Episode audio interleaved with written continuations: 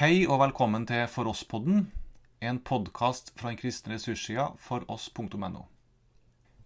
Denne episoden er gjennomgang av Salme 33 av Endre Stene. I midten av mars var jeg koronafast i Tunisia sammen med min sønn og tolv elever fra Fjellheim bibelskole. Tunisiske myndigheter hadde stengt grensene, og all ordinær flytrafikk var stansa. Det fantes ingen vei ut, og alt lå an til at vi måtte være i Nord-Afrika i mange, mange måneder. En av dagene leste jeg Salme 33 for gruppa. For meg ble dette en salme for en situasjon der mye kan synes veldig usikkert og stengt. Rop av fryd for Herren, dere rettferdige. Det er rett at de oppriktige synger lovsang. Pris Herren til lyre. Spill for ham på tistrenget harpe. Syng en ny sang for ham, spill vakkert og rop med jubel. Vers 1-3. Salmen begynner med en oppfordring til å glede seg over Gud. Ja, ikke bare til å glede seg, men til å la gleden komme til uttrykk gjennom nye lovsanger, akkompagnert med vakker musikk. Ja, vi oppfordres til og med til å rope. Hvorfor? For Herrens ord er sant. Alt han gjør, kan en stole på. Han elsker rettferdighet og rett. Jorden er full av Herrens godhet. Vers 4-5. Det Gud sier, er sant. Han er til å stole på. For en trygghet det er i møte med det som er usikkert, og gir grunn til frykt. Når Gud har lova omsorg for meg, er det ingen grunn til uro uansett hvilke omstendigheter jeg er i. Gud svikter ikke sitt ord. For i de neste versene står han sjøl fram som den han virkelig er, skaperen av alt. Vers 6-9 sier Ved Herrens ord ble himmelen skapt, hele himmelens hær ved pusten fra hans munn. Han samlet havets vann som i et kar, la havets dyp i forråd. Hele verden må frykte Herren, alle som bor på jorden må skjelve for ham. Han talte, og det skjedde. Han befalte, og det sto der.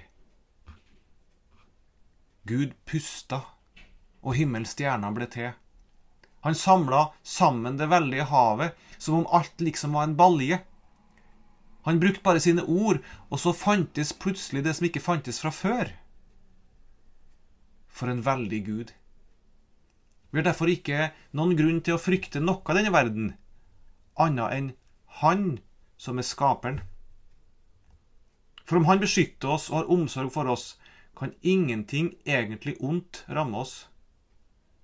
Men om vi ikke har Hans smil over vårt liv, vil ingenting godt vi møter i livet, egentlig bli til velsignelse. Derfor er det ham verden egentlig skulle skjelve for. Ikke krig, klimaødeleggelse eller koronavirus. Herren forstyrrer folkenes råd, bryter planene folkeslag tenker ut. Herrens råd står fast for alltid, hans hjertes planer fra slekt til slekt. Vers 10-11. Mennesket tror stadig på sin egen makt og evne til å ta kontroll over eget liv. Men Gud vet imidlertid at det ikke skal mye til for å sette menneskenes planer ut av spill. Det har vi ikke minst fått erfare denne våren. I løpet av få uker har et enkelt lite virus lamma hele verden er ikke noe grunnlag for å si at det er sendt fra Gud.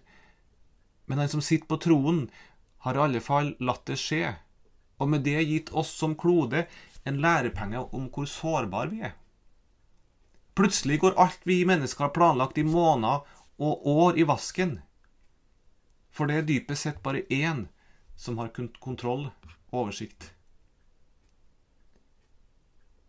Salig er det folk som har Herren til Gud det folk han har valgt til sin eiendom. Herren skuer ned fra himmelen, han ser alle mennesker. Fra sin bolig ser han ned på alle som bor på jorden. Han har formet deres hjerte. Alle deres gjerninger kjenner han.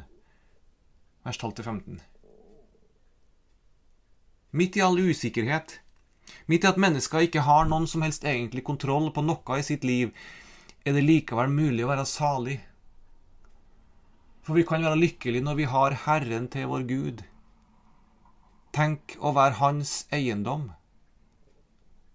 Fra sin himmel følger Skaperen nøye med på alt som skjer.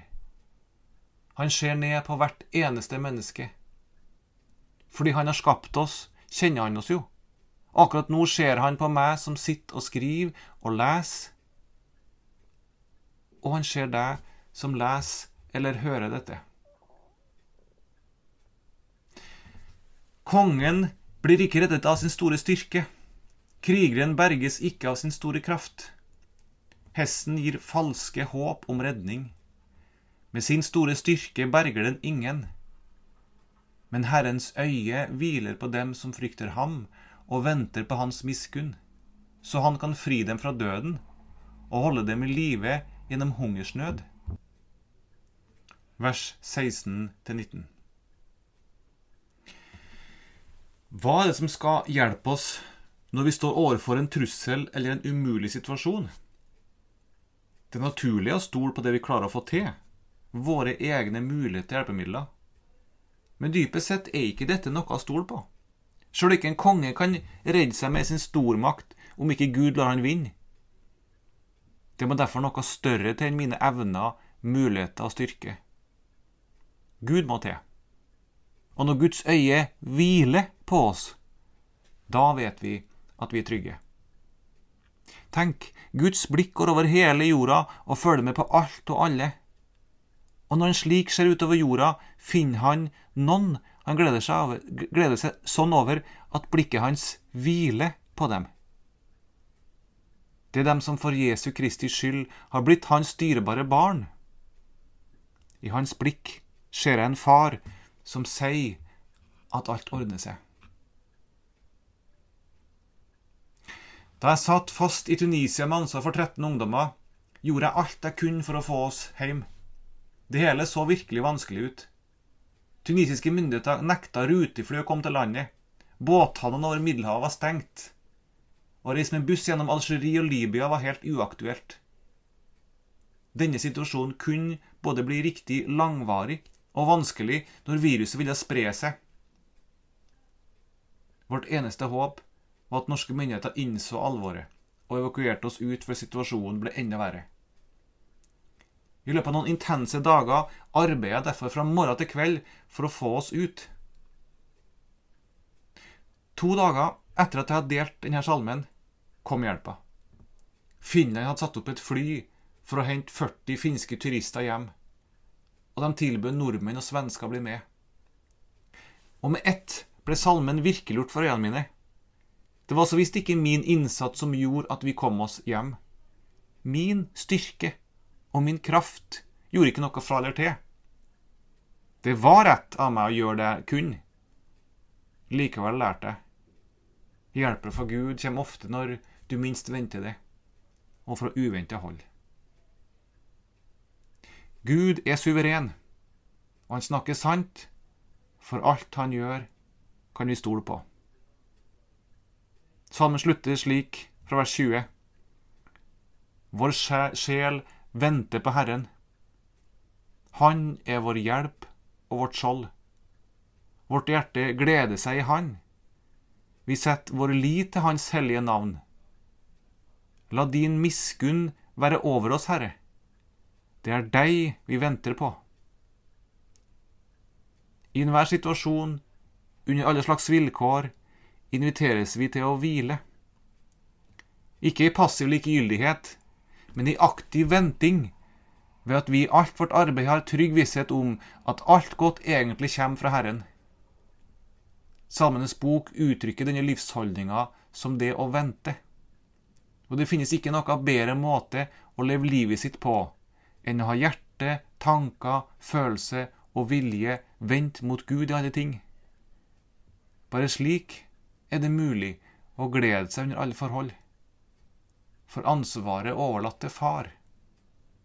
Jeg vet at han griper inn når han ser det godt. Du har nå hørt en gjennomgang av Salme 33 av Endre Stene. Denne finnes også i tekstversjon på nettsida vår.